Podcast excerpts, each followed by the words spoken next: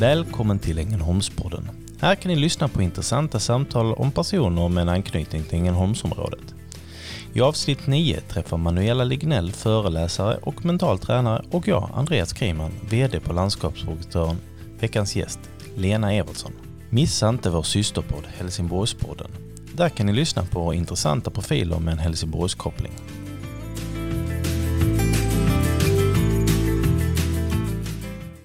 Välkommen till Ängelholmspodden. Jag heter Manuela Lignell och idag har jag med mig Andreas Kreiman, VD för Landskapsprojektören. Tackar.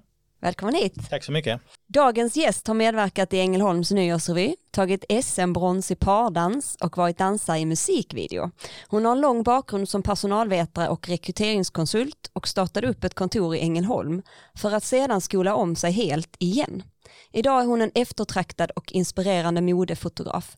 Varmt välkommen hit, Lena Evertsson. Åh, tackar, tackar. Fin, fint intro får jag säga. Tack. Välkommen hit och välkommen Manuela. Idag sitter vi på eh, vår nya poddstudio på Vinmagasinet som eh, ligger granne till din fotostudio. Mm, det stämmer. Grannar. Mm. Fint. Kort väg hit. Så premiär här idag. Extra härligt att ha dig här, eh, Lena. Ja men tack. Det ska bli jättespännande. väldigt nyfikna på dig och du har ju gjort väldigt många olika saker i ditt liv och det är ju väldigt spännande och inspirerande att få ta del av vad det är som har, har liksom lett dig in på så många olika vägar. Och Ja. ehm, jag tänkte faktiskt börja lite med dansen eftersom Mm. det är faktiskt första gången jag träffade dig, det var i eh, Ängelholmsrevyn när vi Ja. dansade tillsammans. Det är länge sedan. Man vill Mm. nästan inte säga det men det är ganska länge sedan. Mm. Vi börjar räkna lite, var det 2007 kanske? Ja, 06-07 något sånt. Mm. Då tog vi våra steg där på scenen på Rönne, i Rönneskolan där. Hur kom du in på dans från början Lena? Det är väl som allting, man provar en massa olika hobbys när man är liten och inget riktigt fäste förrän jag eh, hittade dansen kan man väl säga. Och jag dansar ju alltid från ballett och till jazzdans och så, men eh, just pardans och tiodans var väl nog det som eh, riktigt fäste, så då höll jag på med ganska länge faktiskt. Um, och det är ju när man eh, dansar med en partner givetvis och Let's Dance har ju de flesta sett idag, det var ju inte alls så stort då. Eh, vi var inte så himla många eh, här nere men vi var ju runt och tävlade i hela Sverige så det fanns ju. Så Tobbe till exempel, Tobbe Karlsson, Mm. honom träffar man ju på alla tävlingar och många av dem som är med i Let's Dance har man ju tävlat, eh, nu är han lite yngre, ja, så har jag avslöjat det med, men vi, vi träffades ju rätt många gånger på de här danstävlingarna, vi var ju ett eh, kringresande cirkussällskap nästan och eh, åkte buss upp och eh, tävlade hela dagen och sen åkte man buss hem. Så att, det var inte mycket sömn de helgerna utan man, man tävlade liksom. Om man då bodde i Ängelholm, var, Mm. vilken skola gick man, var, var gick man på dans?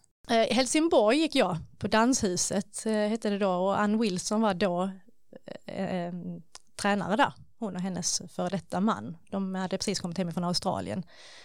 Och ville träna här hemma och flytta hem då till Sverige här. Eh, så att han eh, och hon hade lite träningar där för de som var lite på högre nivå. Så det var Helsingborg mestadels. Du sa tiodans, vad, Mm. vad är det för någonting? Ja, det är ju, den ena delen av de här tiodanserna är ju, är ju latin. Så det är alltid från här cha-cha, rumba och eh, samba och lite av de här latinska rytmerna. Och sen har vi då den moderna dansen som är vals och quickstep och tango och lite mer det här eh, tjusiga med långa klänningar och fjädrar och sådär. Så det var ju väldigt, väldigt roligt och eh, Ja, men som tjej var det ju otroligt kul, man hade ju fantastiska klänningar. Jag vet att vi åkte till Danmark eh, och köpte våra kläder för Danmark var mycket, mycket längre fram i denna eh, sporten då. Så där åkte man över och gottade sig i tyger och fjädrar och paljetter. Man satt och klistrade och limma på för att man skulle liksom glittra lite extra där. Så mm, stod man vid strykbrädor och limma på sten efter sten så. Och så drösslade av efter en tävling, fick man sätta sig och bara fylla på. Att, eh, SM-brons. Mm. Ja, Spännande. herregud. Ja, det var ju länge sedan. Men det var ju den moderna delen då, vi var lite bättre på det, jag och min danspartner. Man blir oftast bäst på det som, eh, konstigt nog, det som killen är bättre på. Mm. För att det är han som för. Eh, och ja, han var väl lite mer så strikt. Lite raka i ryggen så, inte lika lätt för att röra på höfterna kanske, så då blir det oftast att man eh, blir lite bättre på det. Så att det var det vi tog brons i men herregud, det är jättelänge sedan. Jag kan inte ens säga ett årtal, men det var under gymnasietiden vet jag. Och det var ju då mellan 92 och 95 där någonstans. Hur tidigt började du på dans? Jag började egentligen inte jättetidigt om man jämför med hur, hur de som satsar börjar idag. Men jag hade ju hållit på med olika sorters dans såklart, men just detta hittade jag nog till någon gång när jag var runt 10, 11, 12 där. Men då, då kände jag att, eh, att jag hittade rätt där och att eh, man utvecklades ganska snabbt. Och, ja, men det var en rolig tid, men som sagt, vi var ju ingenting mot vad de är idag. Med tanke på hur utvecklingen har gått så upp, alltså framåt, så att eh, jämför man vad vi kunde då så är det ju ingenting mot vad de kan idag tycker jag. Men hur funkar det just, eh, så jag är också dansare i mm. bakgrunden men aldrig provat på det här med pardans. Nej. Jag är lite, ändå så här lite nyfiken, hur funkar det? Hur väljer man ut sin partner som man ska dansa mm. med? Och... Alltså då när, vi, när man var yngre så var det ju tyvärr så att många av tjejerna fick dansa med en annan tjej. För mm. det fanns ju för få killar. Jag hade ju turen dock att jag började med min kusin. Så vi startade tillsammans, men det är för vi hängde rätt mycket ändå så tänkte jag att då kan vi lika bra börja med det. Så jag dansade med min kusin rätt många år tills man kom upp till en lite högre nivå och då blev det lite ett vägval om man skulle satsa eller om man skulle bara göra det för att det är kul. Och då hade ju oftast dansledarna redan sett ut någon som de tyckte längdmässigt och stilmässigt passade ihop liksom. Mm. Så det blev väl egentligen de som tussade ihop. Då mm. passar inte det för din kusin längre? Eh, det, det roliga är att han började dansa med den partnern som min nya danspartner dansar med och de gifte sig så småningom faktiskt. Så att jag, jag har fortfarande så här så att jag känner att han kan inte vara allt för sur på mig för att jag eh, dissade honom dansmässigt. han fick sin livskamrat. Men han fick ja. inget, inget SM-brons? Nej, det fick han ju såklart inte men det kanske inte spelar någon roll. Mm. Jag har inte den så jag tittar på den varje dag idag. Men du har den? Den finns någonstans, absolut. Och det ledde också till att du fick medverka i en, dans, eh, i en eh, musikvideo. Ja, ja, det, ja. det gjorde faktiskt att de kom upp, eh, det var ett helt castingteam ifrån en, det var Cardigans som skulle spela in en video och då skulle de ha tävlingsdansare där så de kom upp till vår dansskola och plockade ut typ ett gäng par som skulle få vara med i den här dansvideon. Och sen åkte vi ner och spelade in en hel dag nere på någon, något Folkets hus någonstans, jag kommer inte ens ihåg. Men den rullar ju lite flitigt på MTV så det är ju rätt, eh, rätt häftig grej då när man gick på gymnasiet, man bara, ja där jag snurrar runt lite. Mm. Just att, det. Ja, det var, det var jättekul verkligen, superroligt. Minne. Mm. Ibland kan man ju ta upp och titta lite på det när man kommer på det och känna att, ja, där är man Där ju. var jag. Ja, ja. ja Carnival med Cardance. Mm.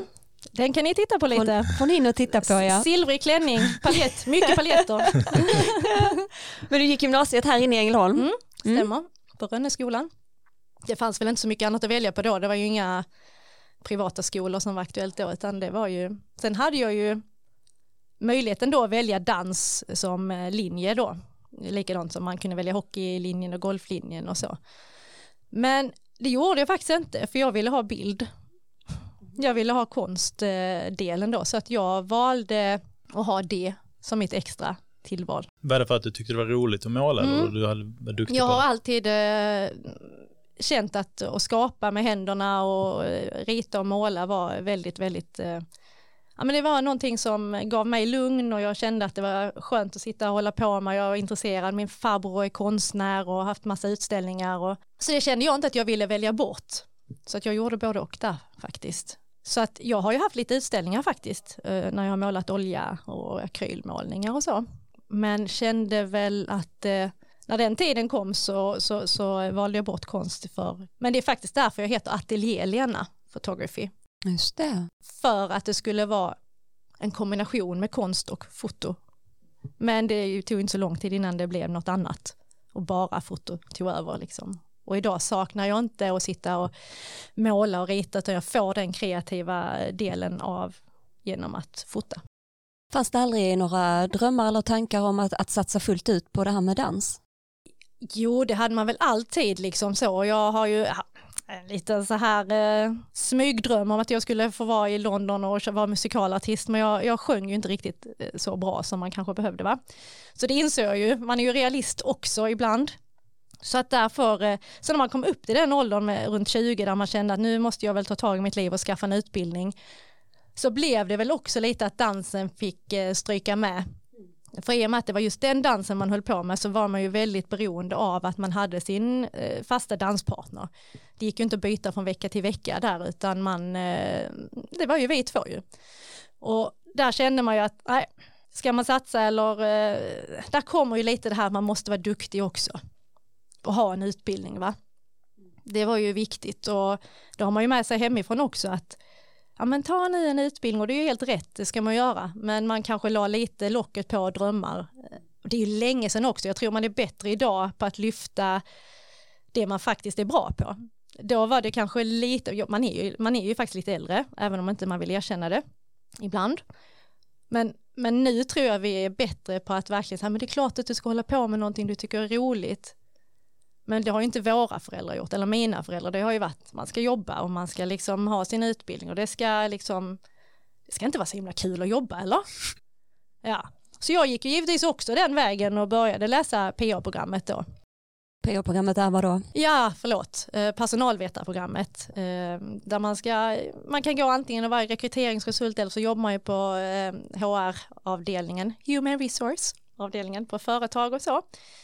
Och det gjorde jag ju också rätt så länge efter nästan tio år jobbar jag ju med att rekrytera folk till olika ställen och så. Men efter de, ja det börjar säkert redan efter sex, men du vet man håller ju, man biter ju ihop och kör lite till. Um, det fick väl mig väl till att inse att det här eh, gör jag ju inte för att jag älskar det. Jag åkte lite till jobbet varje dag och undrade varför jag gjorde det. Mm. Och hade ju något som kändes otroligt trögt. Alltså precis som ett hjul som, eh, som jobbar mot mig istället för med mig. Och till slut så kände jag väl att eh, ja, men det blev så dåligt så att jag till och med blev sjuk och fick en eh, kronisk inflammation i tarmen. Och då kommer man ju till ett vägskäl i sitt liv givetvis när man känner att eh, nu kan inte jag leva som vanligt och bara eh, göra alla de sakerna man brukar göra utan att det hämmar ens eh, dagliga liv. Eh, och mitt i allt i detta så är det ju att man, ja, men man ska skaffa barn och i den åldern, man var runt en 30-ish. Och om inte allt sånt flyter på och funkar, men då måste man ju bara tänka annat, kände jag. Mm. Eh, så att det blev ju då som det blev en liten vändpunkt och jag fick ta en liten funderare på vad jag skulle göra med mitt liv. Och det, jag tackar för det idag. För hade man inte blivit sjuk så hade jag säkert knegat på och bara, ja man hade inte haft roligt, men man hade gjort det förmodligen. Jag träffade ju dig i Ängelholm precis när mm. ni hade startat det här kontoret. Mm. Jag minns att jag kom in och satte mig och pratade med dig en liten stund och, och mm. i den här liksom glädjen av att ha startat eh, ett nytt kontor i Ängelholm så jag fanns var liksom inte så glad. exakt, Nej. jag minns så väl att det var liksom en Lena utan energi som mm. satt där och bara kände mm. att jag måste, jag ska göra detta nu ja. lite så. Och det, alltså, det roliga är att jag kommer inte ens ihåg detta. Nej. Alltså på något sätt så har jag, jag har glömt jättemycket från den tiden. Det finns liksom inte kvar riktigt. Det, för det känns som ett helt annat liv. Så det är jättekonstigt att du sitter och säger att du kom in där och att du upplevde det för att jag kommer inte ens ihåg det. Mm. Och det har ju inte att jag inte tyckte att det var kul att prata med dig utan det är för att jag har förmodligen bara mm. det, är inget glä, alltså det är inget glädjande för mig liksom och eh, jag har gjort det och jag lärde mig skitmycket på det. Mm. För det har ju gjort att min roll som fotograf idag har jag ju också förstått att man måste ju vara ute och sälja och nätverka och jag kan ju inte bara sitta hemma och ta fina bilder utan jag måste ju träffa folk. Mm. Det har jag med mig. Så det är ju skitbra. Så på något sätt så var det ju meningen att jag först skulle göra det för att sen hamna där jag är idag. Det är jag helt övertygad om. Att saker och ting händer av en anledning. Hur kom du ur eh, den här kroniska sjukdomen som du hade? Ja, för det här är ju som sagt en, det var en kronisk inflammation, det är Crohns. Eh, och läkare tycker ju inte att man kan bli frisk från det såklart, utan eh, så det hade man ju den bilden i huvudet, bara herregud, ska jag må så här i resten av mitt liv? Mm. Och gick på mycket medicin och eh, som hade jättemycket biverkningar och eh, nej men jag var inte glad. Det var inget som gjorde mig glad överhuvudtaget. Men det fanns ju också någonting, alltså jag är ju lite rebell där och känner bara att det kan inte vara meningen att jag ska må så här. Och det kan inte vara meningen att det från en dag till en annan kommer jag, jag trodde inte på det liksom. Det mm. måste vara omständigheter och min pappa dog i samma veva. Alltså det var mycket i mitt liv som kändes liksom att det borde ha någonting med det att göra. Mm. Då kan man ju också inse att det borde gå att lösa genom andra vägar än att skicka in massa medicin i kroppen liksom. Så jag började ju leta själv i princip och provade det mesta om jag ska vara riktigt ärlig. Eh, så, men det var inte förrän jag hittade rätt liksom med qigong och eh, homeopati och eh, ja, men, jobbade med mig själv helt enkelt som jag kände att ah, nu kommer ju livet tillbaka. Och jag var ju fortfarande anställd då som eh, rekryteringskonsult och så. Och kom ju tillbaka ett litet tag och kände att det här kan ju inte jag göra längre. Mm. Och hade en fantastisk eh, personalchef då som, som fattade det. Hon bara, Lena du ska inte göra detta. Mm. Nej, sa jag, det ska jag ju inte. Så då sa jag upp mig och eh, började fundera lite på vad jag skulle göra ju. Så hade ju det här med konsten och så ju, så det var ju därför jag kände, men mm. och så har jag faktiskt med mig min alldeles första systemkamera här idag. Och det var så att jag 2010 sa till min man så här, åh, alltså jag önskar mig verkligen en systemkamera. Eh, jag vet, jag vet inte varför, jag bara fick en känsla av att en systemkamera, det hade varit roligt. Och han bara, jaha, och då var han så snäll och gav mig den till mig i julklapp då. Och så fort jag, det, det här är absolut ingen märkvärdig kamera överhuvudtaget, det är liksom en liten Sony, inget, fel, inget ont om Sony, eh, så va, men just denna modellen var ju inte den dyraste på marknaden och men jag bara kände att jag började testa och, bara, och att den lås, det låg så rätt i handen på något sätt och jag blev lycklig av det. Så då sa jag till honom, åh jag skulle vilja lära mig lite mer inställningar och så. Och då letar han faktiskt upp en så här, en tjej som håller privata fotolektioner, kurser då. Och då gav han mig det i födelsedagspresent som var på sommaren. Så jag hade ju hunnit att känna på kameran liksom ett halvår och sen så på sommaren så gick jag en kurs för henne och, ehm, och det var startskottet liksom. Där kände jag att eh, det här ska jag ju göra ju. Så, så därav ehm, att jag ramlade in på just foto liksom. Det är ju lite av en slump eller inte. Jag vet inte hur man ska se det men det var ju meningen. Och sen har jag uppgraderat efterhand och fyllt på med utbildningar efterhand. Nya utrustning, grejer som jag känner att jag efterhand behöver liksom. Till att ha växt idag då. Och sen, ja, och sen 2012 eh, måste det varit så startade jag då mitt företag och kört heltid sedan dess då. Så, och det är jag ju så tacksam för. Det är ju eh, det, är det absolut roligaste som finns. Och när jag tänker ibland på tänk om ah, man skulle kanske haft en fast anställning att gå till. Alltså ibland så är det ju motigt att vara egenföretagare också. Man känner att uh, lite så. Men sen tänker jag två sekunder till och tänker nej, fy fan. Det vill jag ju inte vara. Jag vill, ha, jag vill bestämma själv. jag vill bestämma själv vad jag ska göra. Ja, nej, men så att det för mig så finns det liksom egentligen inte något annat än att göra detta. Nej, du sa att du fick den av din man. Mm. Eh, Vilken hur- fin man. Ja, vi, Mm. Bästa. Mm. När träffades ni? Alltså nu, du vill verkligen få fram hur gammal jag är nu. Bara Eh, därför vi ställer den här jag är frågan. Ja. Eh, nej men vi träffades ju faktiskt året efter gymnasiet. Vi gick ju på samma gymnasieskola så visst visste man vilka vi var så. Men det var året efter som vi, eh, vi, vi träffades lite mer. Så då är det, vi var väl runt en 19-20 då, 20 säger vi. Mm. Så att vi firar ju då 25-årsjubileum nu och Wow. har varit gifta i 15 år nu i april. Så att det, ja, men vi träffades för så länge sedan så han har ju varit med på hela den här resan och sett vad detta gjorde liksom med mig då och Mm. förändrade mig. Ja, han eh, gick på hockeygymnasiet när ni träffades. Ja, så han eh, flyttade ju ner här när han var 16 år då för att eh, lira hockey ifrån eh, Veddige. Han vill att jag ska säga Varberg, men det är det inte, det är Veddige. Men du hade ju lite erfarenhet av att åka rundor i den här cirkusvagnen Ja, ja. och vara med och Ja. tävla i dans och så här. För jag tänker att leva med en Mm. hockeyspelare Mm. innebär ibland också lite snabba, ja, tvära vändningar Mm. i livet och man Mm. måste flytta på sig och så vidare. Är det någonting ni också upplevde? Mm, ja men det kunde ju vara, eh, en dag var man ju liksom stjärna i laget och nästa dag så, nej men okej nu får vi flytta på oss. Eller så blev man ju ja, förflyttad för att man ville liksom komma vidare och spela i bättre lag. Men, ja, men vi har ju flyttat runt en del, absolut. Um, sen var det ju på den tiden när allsvenskan, liksom, man, eh, man, man hade ju jobb då bredvid. Det har man ju inte idag Mm. varken i SHL eller allsvenskan idag jobbar ju killarna. Men Niklas fick ju alltid jobba. Mm. Så han jobbar ju heltid och sen åkte man ju direkt och träna och sen så var han ju iväg och spela matcher. Så att vi har egentligen inte träffats så mycket på de här 25 nu när jag Så egentligen har ni bara varit tillsammans en lite kortare Ja, alltså vi har ett inneboende kan man säga. Nej, Nej men alltså det, absolut, jag har ju eh, man får ju vara väldigt självständig som tjej om man är tillsammans med någon som håller på med någon form av eh, idrott på den nivån tänker jag. Men vi har också haft jättemycket roligt ju. Mm. För varenda gång vi flyttar runt, det har ju gjort att vi har kommit närmare också, för det var ju vi två. Och när man vill flytta till Frankrike, det är ju vi två.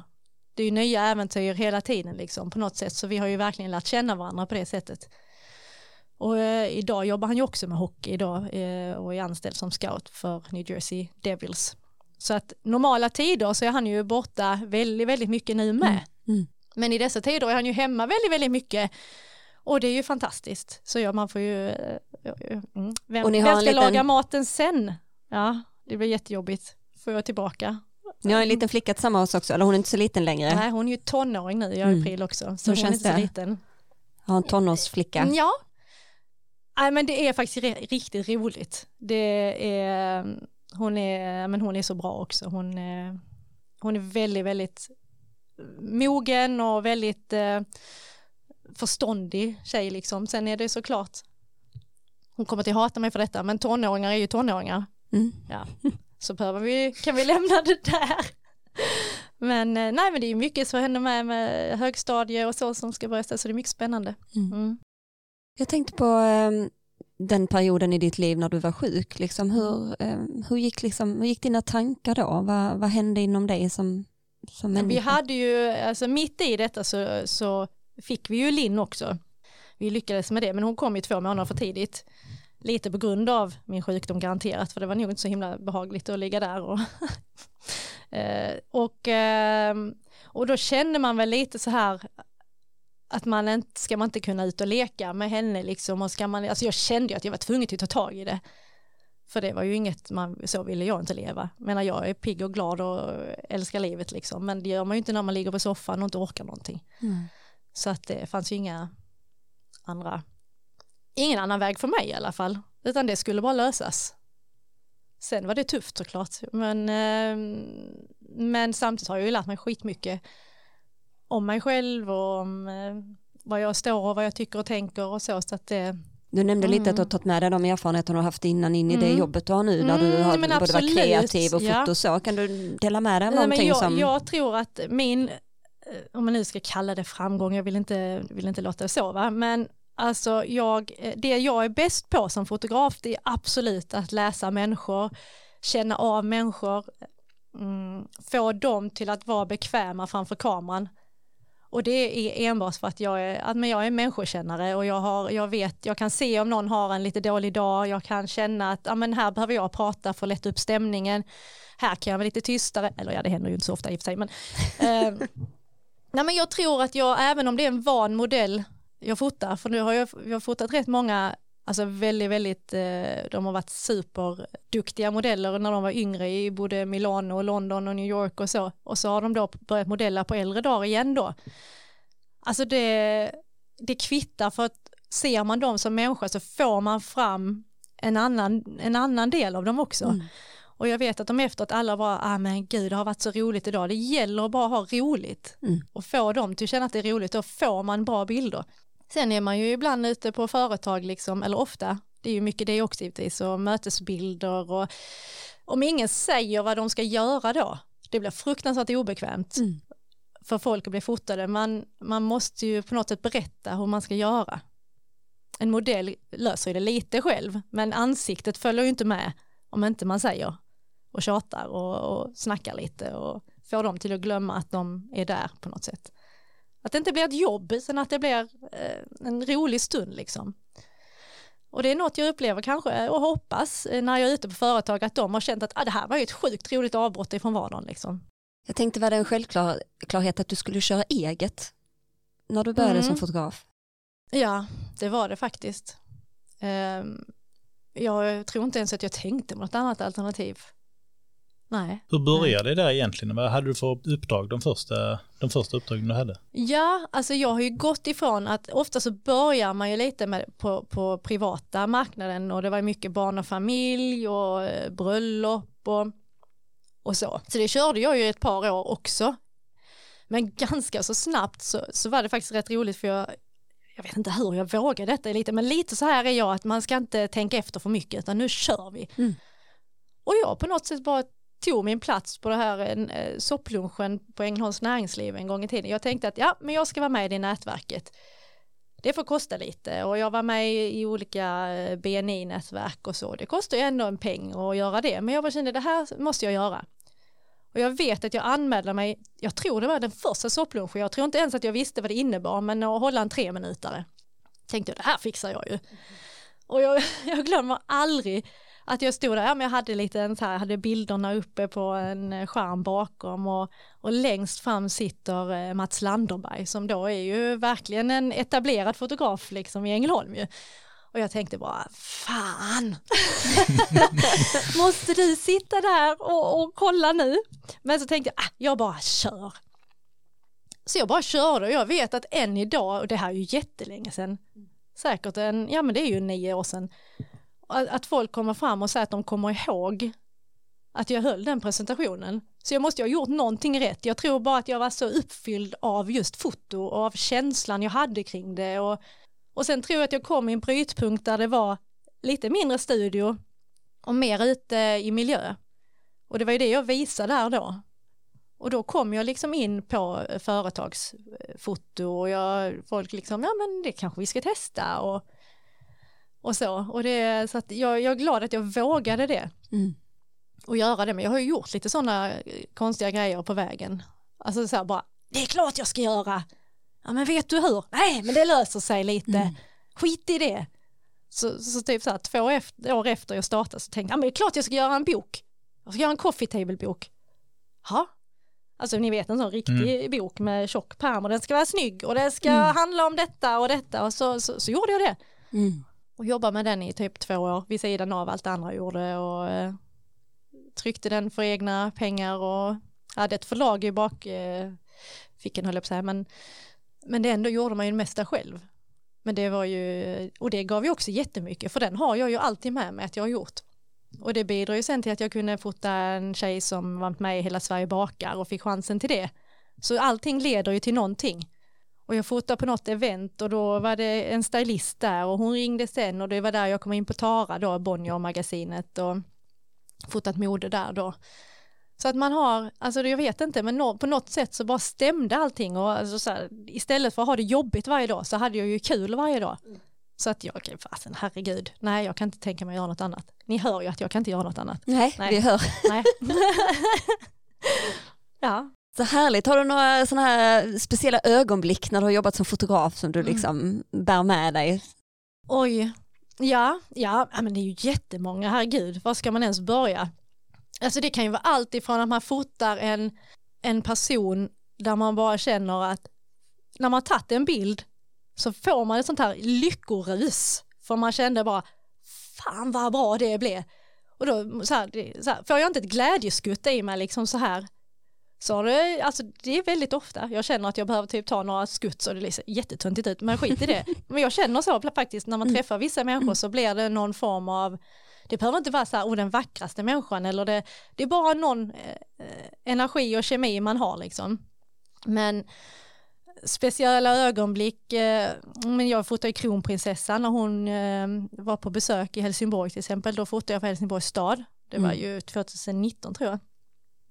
Och då kom hon ju dit och det var väldigt strikt exakt vad man skulle, man skulle hälsa på ett speciellt sätt och man skulle ju eh, stå på vissa ställen och så här. Men eftersom jag skulle vara med och vara backstage så fick jag ju lite fri passage då vet du och där var ju massa andra fotografer i form av lite paparazzi-tänk. Mm. Jag har aldrig varit eh, ute för detta. Så jag var nog, eh, men jag tänkte, men jag gör ju mitt jobb och så gör väl de sitt jobb. Men alltså det hatet jag hade för att jag fick följa med backstage och fota på alla sätt, alltså det, ja, det, var, det var nästan lite jobbigt. Eh, och jag råkade också, det är ju en dundertabbe givetvis, men jag inser att där de har ställt mig att jag ska stå, det är jättefel för att jag ska kunna ta en bild där hon hälsar på en viktig människa då. Och så tänker jag, nej, ska jag få den här bilden då måste jag springa framför alla de andra fotograferna. En liten sekund. Men jag bestämmer mig där och då att jag, eh, det är precis när kronprinsessan hoppar ut ur bilen då. Ja. Då tänker jag, jag får göra detta. Så jag kastar mig fram och klickar av två bilder varpå alla fotograferna börjar skrika på mig och, var så, och kronprinsessan vänder sig om och tänker vad är det som händer? All, allting stannar upp. Och jag bara, förlåt, förlåt. tar mig därifrån rätt snabbt. Jag är framme, alltså jag lovar två sekunder. Men jag fick bilden. Så att man får ju ta lite så här Risk. risker ibland va? för att få bilder. Men jag insåg där och då att paparazzi-fotograf skulle jag aldrig vilja vara. Utan eh, nej, man, nej, det är hetsigt alltså. Galet. Mm. Ja. Men det kan väl vara en sån grej man tar med sig och vet hur man kanske inte tänker göra nästa gång. Samtidigt så var de väldigt nöjda så att de fick ju den bilden de skulle ha och det var ju min kund. Så att jag gjorde ju min kund glad, det var ju det viktiga. Ja, så ibland får man göra så.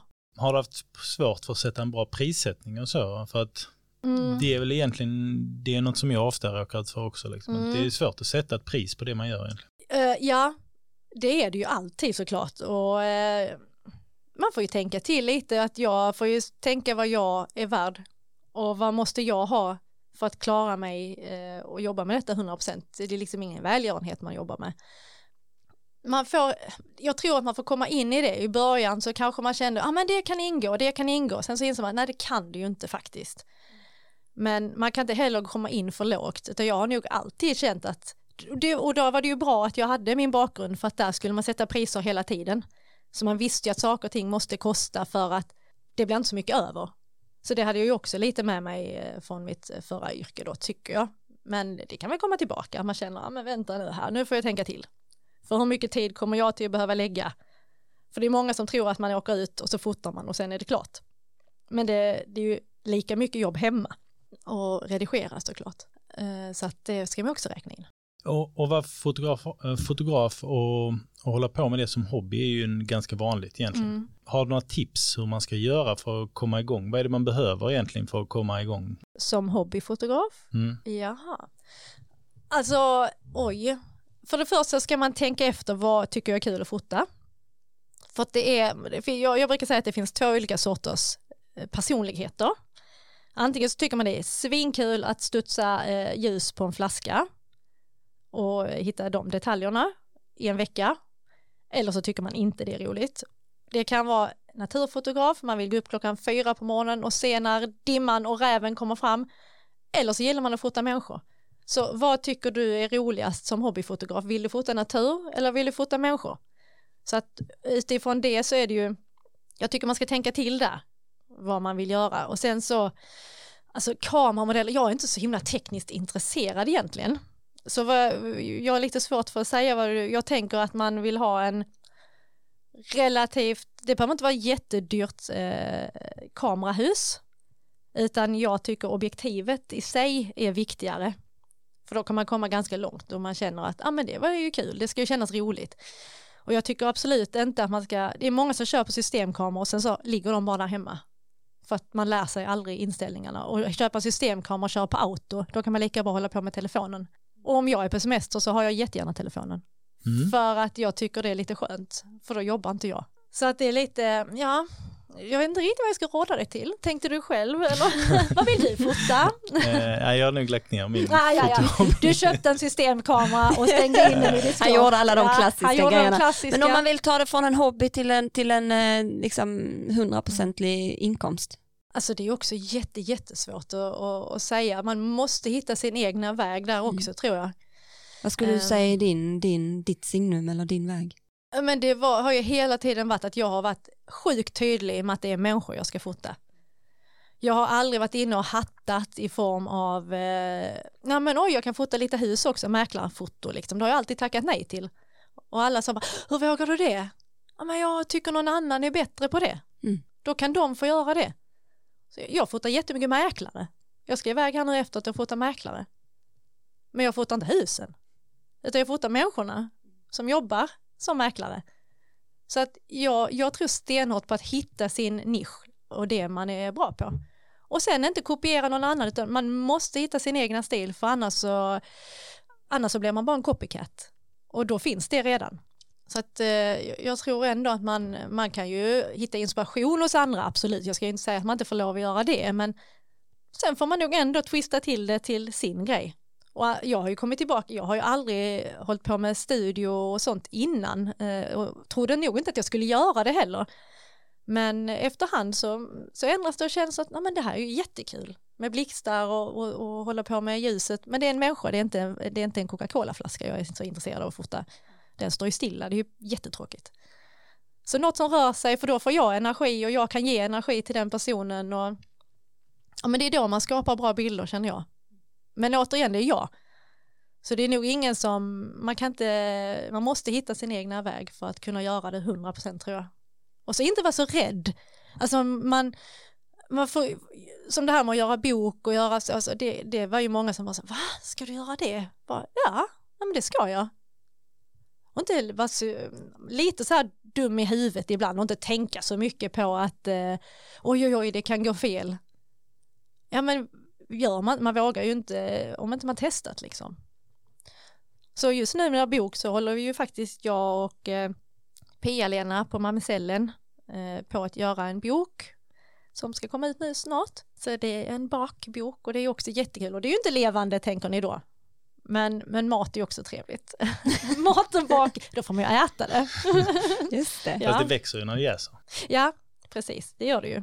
Jag har kanske inte fotat precis jäsningen. Men Jag tänker på det här med, du har nämnt ett par gånger att man måste våga och Mm. man får inte vara rädd och det är Mm. bara att kasta sig in, du liksom springer där framför fotograferna och du liksom Mm. gör saker långt utanför din comfort zone. Liksom. Mm. Vad är det som har gjort att, att, du, eh, att du gör Mm. det? Fattas kanske något i huvudet på mig eller? Jag vet inte, jag, jag vet inte faktiskt. Men jag bara får en känsla av att ska man göra detta då måste man våga lite extra. Jag kan inte gå runt och vara liksom men jag kan inte gå runt och vara blyg och gömma mig utan man måste liksom våga ta lite plats tror jag. Och vissa kanske inte tycker om det men man kan inte vara älskad av alla. Man är ingen tacos. Så är det ju. Så är det. Så är det. Inget tacos här. ja, nej men jag tror bara att man måste vara sig själv. Och, om jag håller på att spela spel och försöker vara någon annan då hade jag inte orkat göra detta. Utan oavsett vem jag träffar, när jag träffar kronprinsessan andra gången då snackar jag mer vanligt för då var det inte, då var jag på Norrviken. Och då sa hon, vi har träffats innan va? Jag bara, ja det var jag som sprang framför alla andra fotografer. Nej, det sa jag inte. Men, eh, nej, men alltså på något sätt så känner man att då kunde man ju prata lite, man får ändå vara lite eh, som man är. Mm. Jag neg ju första gången för det var tillsagt att jag skulle göra det va. Men andra gången var inte det tillsagt och då var det mer, hej hej vad kul att ses igen och så här. Oavsett vem man har framför kameran så är de också bara vanliga människor. Mm. Och jag tror att alla uppskattar att, att man ser dem för vem de är liksom. Och det är jättejobbigt för mig nu när man inte får kramas eh, och så här för att jag bruk, ty, ty, brukar tycka att det är en sån här liten icebreaker när, någon ska, när man ska fota någon att Mm. vara hej och vad kul och att man visar att jag är en helt vanlig människa för att många tycker ju att det är jätteobehagligt att fotas. Vissa bara, "Åh, det här är värre än att vara hos tandläkaren och så här. Jag bara, nej men det är det inte faktiskt. Mm. jag, jag lovar. Och efter tio minuter så, så inser ju alla att nej men det är det ju inte. Det här var ju jätteroligt. Det skulle vara hundra ingenjörer då som, eh, där kanske 50 verkligen inte uppskattade att Vi- eh, Vi, eh, fotade. vi, hade ju, vi hade ju faktiskt äran att bli fotograferade Ja, av dig inför ja. en tidning här, Mm. Ängelholmspodden Mm. och eh, hade jag ju två grabbar med Ja. mig som tyckte det var ganska så obehagligt. men inte eh, sen. Nej, men det gick ju hur bra som helst, Ja. eller hur Andreas? Mm. Jo då, jo då. Ja. Säg inget annat nu för då faller hela detta konceptet jag har suttit och babblat upp nu. Nej, nej men det är... Men det jag tänkte på då var att du, du, du hade ju redan liksom en bild rätt så klart för dig hur du ville Mm. ha det och det, det var ju Mm. klart att det underlättade för oss också Mm. och, och det var en väldigt härlig stämning och vi fick ju lov att vara i din nya studio Mm. och så. Ja men vad roligt, men jag har ju oftast här, nu var det ett omslag eh, och då, då har jag ju en tanke oftast. Men när man fotar annat så är det inte alltid det blir, man har kanske alltid en känsla av att det här skulle jag vilja göra. Men det är ju inte alltid det blir så utan det kanske hamnar någon helt annanstans. Om man har längre tid på sig och man eh, ska göra många olika saker då kanske man känner, ah, men där borta var mycket snyggare idag, bara wow vi går bort dit istället. För man kanske har bestämt location, om vi pratar utomhus och, eh, eller på något ställe liksom. Då kan man ju först, ja ah, men där är snyggt. Och sen kommer man dit den dagen och då är det ett helt annat ljus någon annanstans. Ja men då måste man ju springa dit. Då kan man ju inte hålla, man, man kan ju liksom inte hålla kvar vid sin första grundtanke då utan då måste man ju testa den andra också. Och det är ju lite också att fånga situationen och, och se när man till exempel fotar bröllop, eh, som jag gör en del, max fem på ett år liksom nu, men jag har ju ändå gjort rätt många bröllop. Det är ju alltid så, ja men här är fint, här vill vi bli fotade. Jag bara, ja, eh, det vill ni ja, fast där är vi inte. Ja men typ så här, det är bara, fast tro mig, det är bättre där borta. Och det är ju ingen som kommit i efterhand och sagt, alltså det blev inte bättre, utan alla bara, ja, det var ju helt mm. rätt. Ja, för att här är ljuset bra och här är liksom en helt eh, mycket snyggare backdrop och man får en helt annan inramning. Men det ser man ju inte om man står, men jag ser ju det. Så att man, det gäller ju bara att hitta ställen och det är det som jag tror att man är, har man klarat bröllop på riktigt och fotat bröllop, då tror jag på riktigt att man klarar det mesta. Mm. För det är ingen eh, lätt match alltid. Kommer, smyger du framför paret då och tar lite bilder? Och...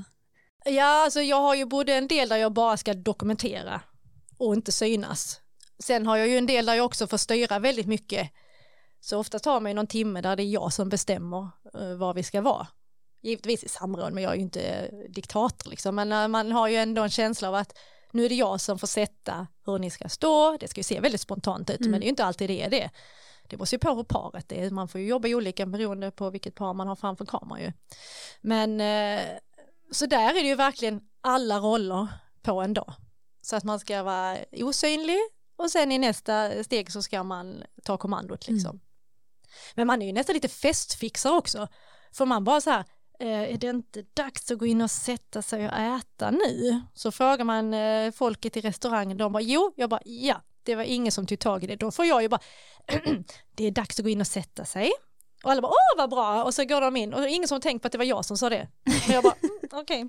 ja. Så man har ju lärt sig flödet ganska och när man märker att det hakar upp sig någonstans, alltså då, alltså man har ju lagat brudklänningar och man har ju fixat mm. håruppsättningar och man har ju bättrat maken och man har alltså i princip serverat, nej det har jag kanske inte, men i alla fall, alltså ni förstår, man är ju mm. allt mm. den dagen. Så det är en speciell roll man har, verkligen. Det är det... ganska skönt för de som gifter sig kanske mm. inte vill tänka på allt det. Nej, och det ska ju inte de behöva göra. Men oftast är det kanske lite yngre då och de tänker ju kanske, de har inte gift sig innan. Det är inte mm. så lätt att veta vad som gäller och typ vad ska vi, vad, vad ska vi göra nu? Och så ibland får man säga folk, nu ska ni kasta riset liksom, eller blombladen eller vad det är, det är nu, jaha! Och så kastar folk liksom, men annars så kanske inte det händer. Det var en mm. grej, när vi gifte oss, eh, jag hade inte förstått att det gjorde så ont. Och bli träffad av ris? Nej. Det var, gjorde, alltså, inte, det var inte så att man började gråta på något Nej. sätt, men det gjorde ju faktiskt ändå ganska ont. Ja, ja. Jag, hur mycket tror du jag får i nacken där då varenda gång? Nej, men, ja. Nej, men det, och det är en speciell roll och då tror jag faktiskt att har man klarat sig genom, eh, ja jag vet inte vad jag är uppe i, men nästan hundra bröllop i alla fall, då har man eh, klarat rätt så mycket. Och ljus, ljuset, var är det bäst ljus där idag? Och man får ju hela tiden ta snabba beslut. Mm. Så det är nog därför också jag tog det här snabba beslutet att jag får kasta mig fram här och fota oavsett om det blir obekvämt eller inte liksom. Men ljussättning och mm. sånt, är det någonting som du hade känsla från innan från din målning eller? Kanske, jag vet inte men jag bara, jag bara hittar ljuset och bara känner, men om jag ställer en människa här så blir det mycket bättre än om jag ställer den där. Jag kan inte förklara det riktigt och kompositionen av var man placerar eh, personen och, och så. Det bara, det var det jag menade, jag tror att det bara kom till mig eh, naturligt och det kvittar vilken kamera jag hade då. För det var inte det viktiga. Det är många som köper superdyra kameror och går utbildningar hit och dit, men har man inte känslan så kvittar det liksom. Lite så tror jag att det är. Så det är därför man kan vara mer autodidakt i just detta yrke tror jag. Mm. Och jag tror det är ingen som frågar mig, vad har du för utbildning då? Alltså de ser ju vad jag gör. Mm. Och nu har man ju byggt på givetvis så att jag känner att jag har med mig men det, är ju, det spelar ju ingen roll. Utan det är ju vad jag levererar som är viktigt. Mm. Vad är det för mm. utbildningar du har gått?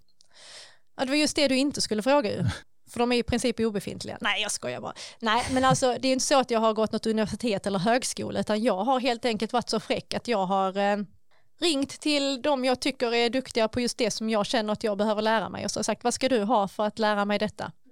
Så har jag betalat dem istället. Så det är en form av eh, ut, riktad utbildning som jag själv har valt efterhand vad jag tycker att jag behöver. Mm. Redigera bilder och sånt? Mm. En... Ja men där har jag ju gått en, eh, en utbildning i Photoshop, det har jag ju gjort liksom. Men eh, sen behöver man ju alltid kunna mer och då då ringer jag någon. Mm. Sen outsourcar jag ibland om jag känner att det är väldigt speciella grejer som ska göras och det är inte det, är inte det jag tycker är roligast. Så har jag väldigt mycket fotograferingar så hinner jag inte alltid med redigeringen. Eh, jag gör alltid grunden så, sätter min touch på det eh, och så, men, mm, men det kan ju vara lite så här speciella grejer som ska göras och då, eh, då kan jag outsourca det om det behövs.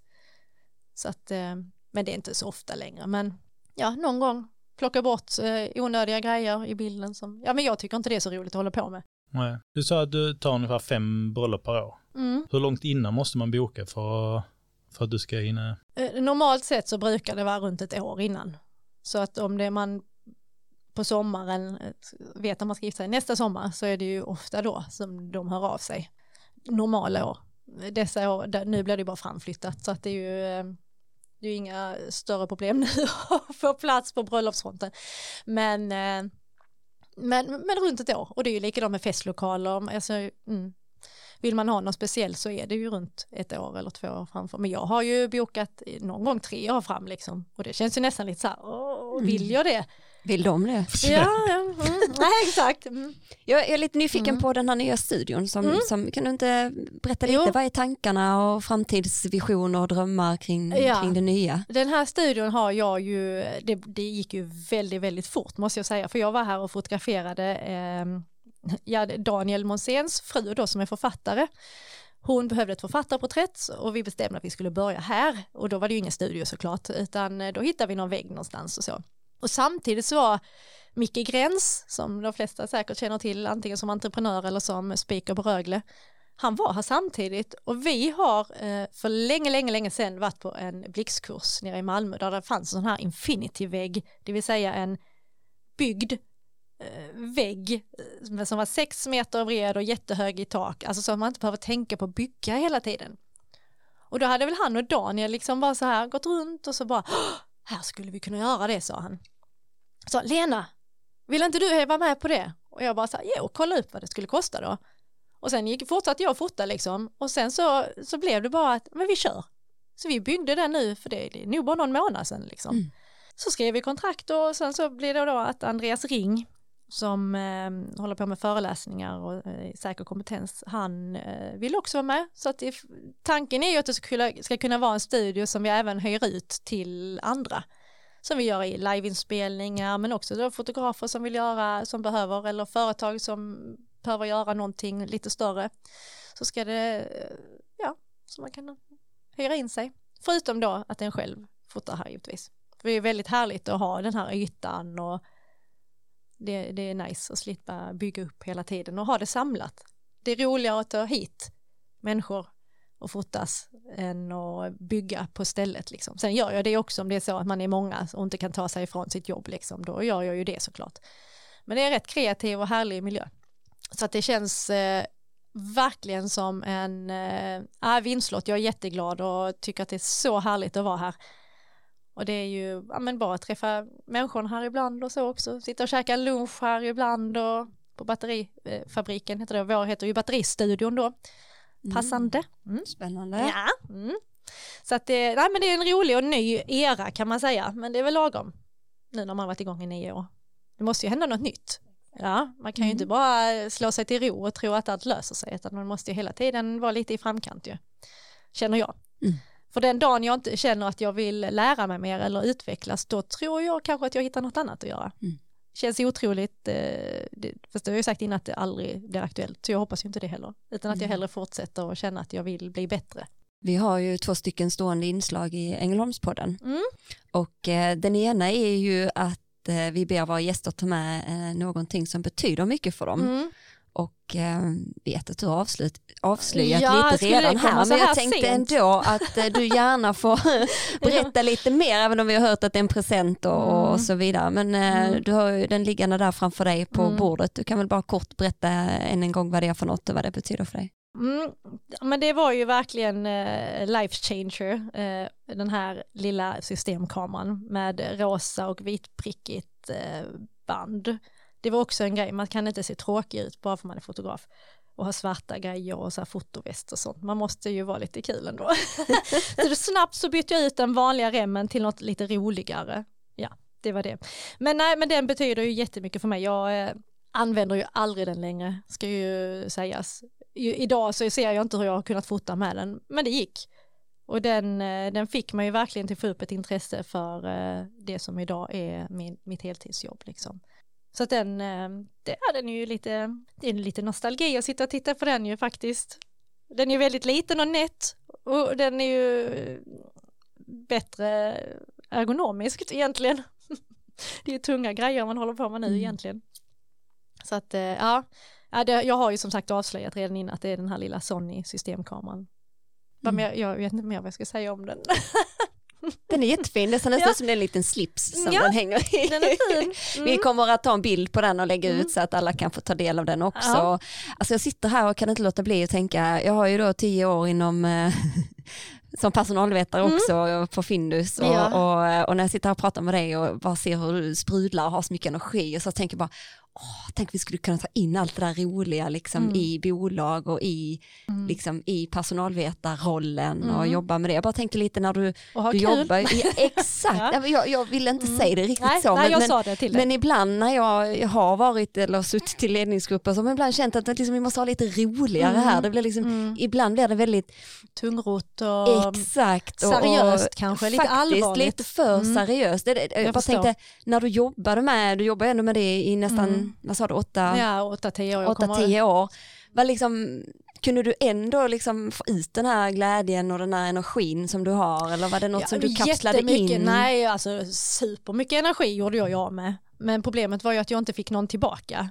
Nu får jag ju tillbaka i form av att eh, de människorna jag träffar och att det är kreativt. Där, det jag gjorde då, jag träffade ju ofantligt mycket människor, det var ju jättekul det också, men jag fick ju aldrig den här eh, Eh, Eh, åt, alltså återhämtningen fick jag ju aldrig då. Här kan man säga att jättemycket energi går ut när jag fotar men jag får ju också jättemycket tillbaka och sen när jag åker hem och sätter mig och redigerar då får jag ju min egen tid. Jag, jag tror att eh, många tror att jag alltid är superextrovert och så men jag behöver ju också hämta hem det lite och det hade jag aldrig tillfälle till i den rollen för antingen skulle man vara ute och sälja och vara ute hos kund eller så skulle man rekrytera och då skulle man vara trevlig och sen skulle man ha hand om all personal och då skulle man vara trevlig, vilket ibland var svårt. För när telefonen ringde så kunde man ju ge sig fasen på att det var något som hade gått fel. Så det, det var ju ingen riktigt, allt, alltså det var inte alltid så positivt. Men, men visst, vi hade ju jätteroligt med kollegor och man kunde high-fivea när man fick in en affär och så. Men det gav väl inte mig någonting egentligen det, nu, allt jag gör nu är, går ju till mig. Jag tänkte på det du sa med återhämtning som är en mm. viktig del, liksom, mm. att, att kunna hitta det där. Hur, mm. hur återhämtar du dig då? Um, men jag har ju förstått att uh, jag behöver ju alltid en liten tid på morgonen till exempel så kör jag alltid lite yoga och lite qigongövningar och så det gör jag fortfarande inte alls i den mån, alltså för kunde jag ju behöva stå i flera timmar om dagen i olika etapper liksom. Det behöver jag ju inte idag, men det finns ju, eh, men det finns alltid med mig liksom och jag går hundpromenader och eh, jag är också väldigt noga med att jag och Niklas vi ska ha liksom, nej men vi ska kunna ta vår kaffe på morgonen där, vi går vår hundrunda och sen så sätter vi oss och pratar en stund och sen börjar vi jobba liksom. Det betyder skitmycket för mig. Mm. Eh, just för att man är van vid att han är borta på kvällar och så, men, men ändå att man har den stunden när man är, mm, ja men att man får bara landa lite så. Nej, vad gör jag mer? Men nej, jag tror att det är det som är eh, och sen känner jag ju av om det är kunder jag inte ska jobba med eller saker jag inte ska fota. Det är jag noga med, vem jag jobbar med och, och så. Och vad jag gör. Det, det, det är jag fortfarande jättenoga med. Att jag håller min linje liksom med vad jag tycker är kul och där jag är bra. Mm. Varför ska jag hålla på med något jag inte är bra på? Då blir det ju bara dåligt. Då blir det fel.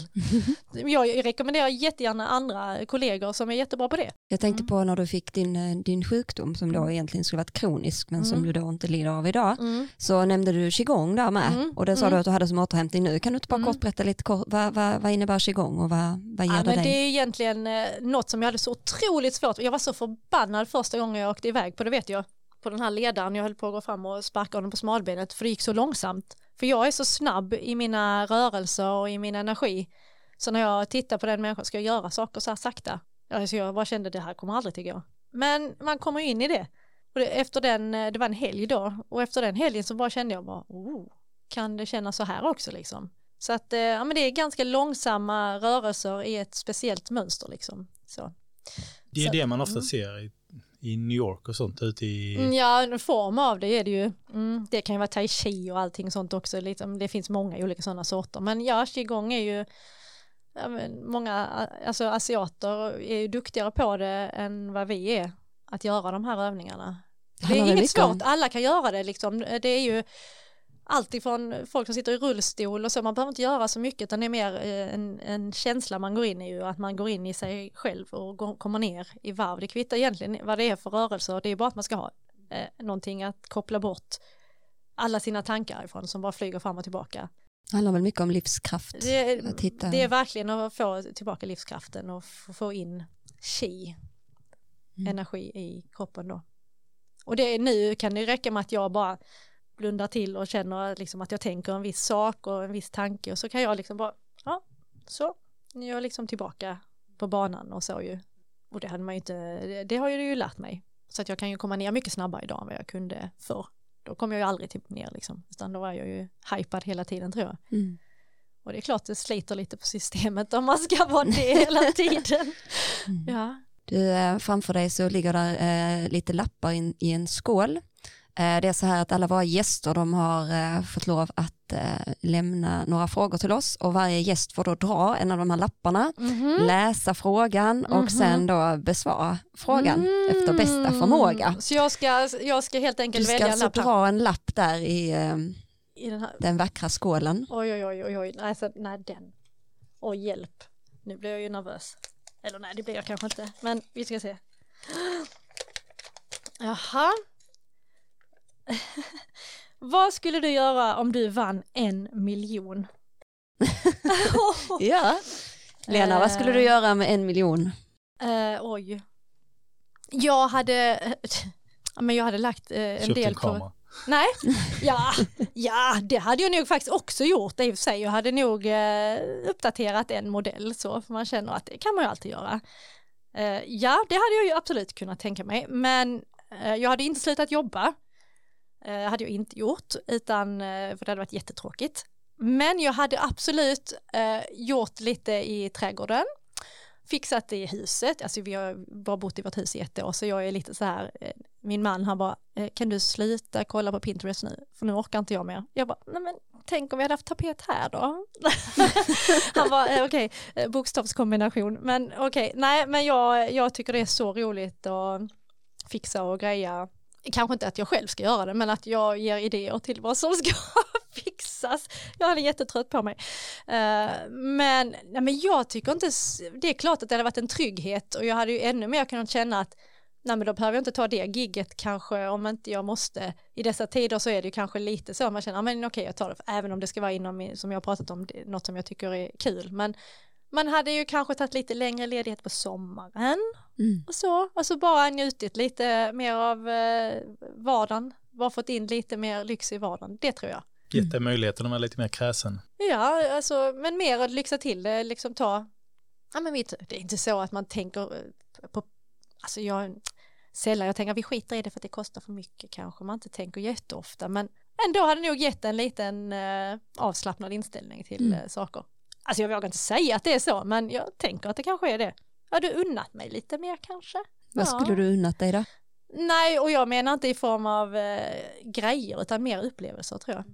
Alltså för, det känns ju så konstigt att prata om resor nu, för det gör man ju inte. Men vi brukar ju ändå eh, åka ganska mycket eftersom min man jobbar rätt mycket i USA och runt om så brukar vi ju hänga på lite, jag och Linn och det är ändå rätt så härligt att resa lite. Så där kunde man ju lagt lite pengar. Men nu känns det ju helt orimligt så resa, sa du? Nej, ja, det får vi vänta lite med. Men ja, Jag har en liten sak som Mm. jag funderat på sen du Mm. sa att en dröm hade varit att vara med i någon musikal i, i, Ja. i London. det hade inte jag- den miljonen kunnat hjälpa mig med Nej, jag, men- den hade kanske inte det. eh, Men jag var nyfiken, vilken är din eh, Åh favoritmusikal? nej, åh nej, nu, nu blottar jag mig helt för det vet jag inte riktigt. Men jag tror att Mamma Mia hade varit asrolig att vara med i. Mm. Det är en sjukt trevlig stämning i den tror jag. Mamma Mia. Ja. Vilken är din Andreas? Tack. Bollar över till dig. Oh, ja, men jag skulle säga cats. Mm, åh nej, då hade du behövt att sminka dig med en massa kattdräkter och smink varenda fast- kväll. Jag är ju en kattmänniska så det hade nog varit rätt så... Ja, men vill du vara en katt? Varje kväll? Ja, det var bara en gång. Ja, nej. Medverka en gång. Medverka? Du, du kan ju gå flera år vet du på Broadway. Nej, år efter år ska du ta på dig din kattperuk, Ja, det kattmustaschen. Vi får Det- Ja. hit någon som varit med i Cats. Ja. har de valt? Chicago. Ja, den Mm. kan jag också tänka mig. Den är också... Ja, det är eh, dansen. Mm, det är Ja, men dansen. det, och hela stämningen Mm. tänker jag att den, Det är eh, feminina- det är snyggt, eh, snygg scen. Bra, Mm. bra. Jag säger Mm. också Chicago och Mamma Mia. Med det så tänkte jag att vi skulle tacka så jättemycket Tack Lena. så det har hemskt varit roligt mycket. att ha dig här, Tack. så full av energi och sprudlande och jag ser fram emot att ta del av dina framtida foton som vi Tack kan så få hemskt njuta av. mycket för att jag fick komma. Det var superroligt. Kan vi se dem, dina foton någonstans? Nej. Jo, jo. Alltså, ja, det finns ju mycket på Instagram givetvis, men och sen ligger ju en hel del på min hemsida. Så på Instagram på Ateljelena Mm. och eh, på www.ateljelena.se kan man se mycket också. Ehm, ja, Super, Ja. tack så mycket Andreas också. Ja, tack till er båda. tack så mycket. Tack för att du lyssnade på oss och följ oss gärna på sociala medier såsom Instagram, Facebook eller LinkedIn. Där heter vi Ängelholmspodden med E. Där kommer vi lägga upp bilder från avsnitten och nyheter om kommande gäster. Har ni tips på gäster eller andra frågor, skicka dem gärna till info Vi skulle vilja skicka ett stort tack till Fredrik Larsson som lånar ut sin låt Världen är din till oss. Låten finns att lyssna på på Spotify. Och till Pierre Boman som har gjort vår logga. Eftermiddagen är så lång Kaféet är nästan tomt Och jag är lugn där jag sitter vid ett bord. En hätsk debatt, ett utländskt par Jag sitter mitt emot. Jag hör tidningsbladen vänds Sakta bakom min bil. Det skulle alltid vara vi. Tills vi blev dom Nu är hela världen min lika mycket som du.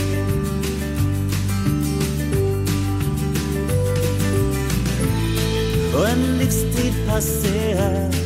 Ett andetag långt. En klocka tickar ner, en man stänger sin dörr. Och jag läser några rader. Tyst för mig själv. En biografi av Felicia Fält. Hennes livsresa med Att i skuggan av sin miljö Där i den mörkaste botten låg den vackraste törn Nu är hela världen min ah, ah, ah, Lika mycket som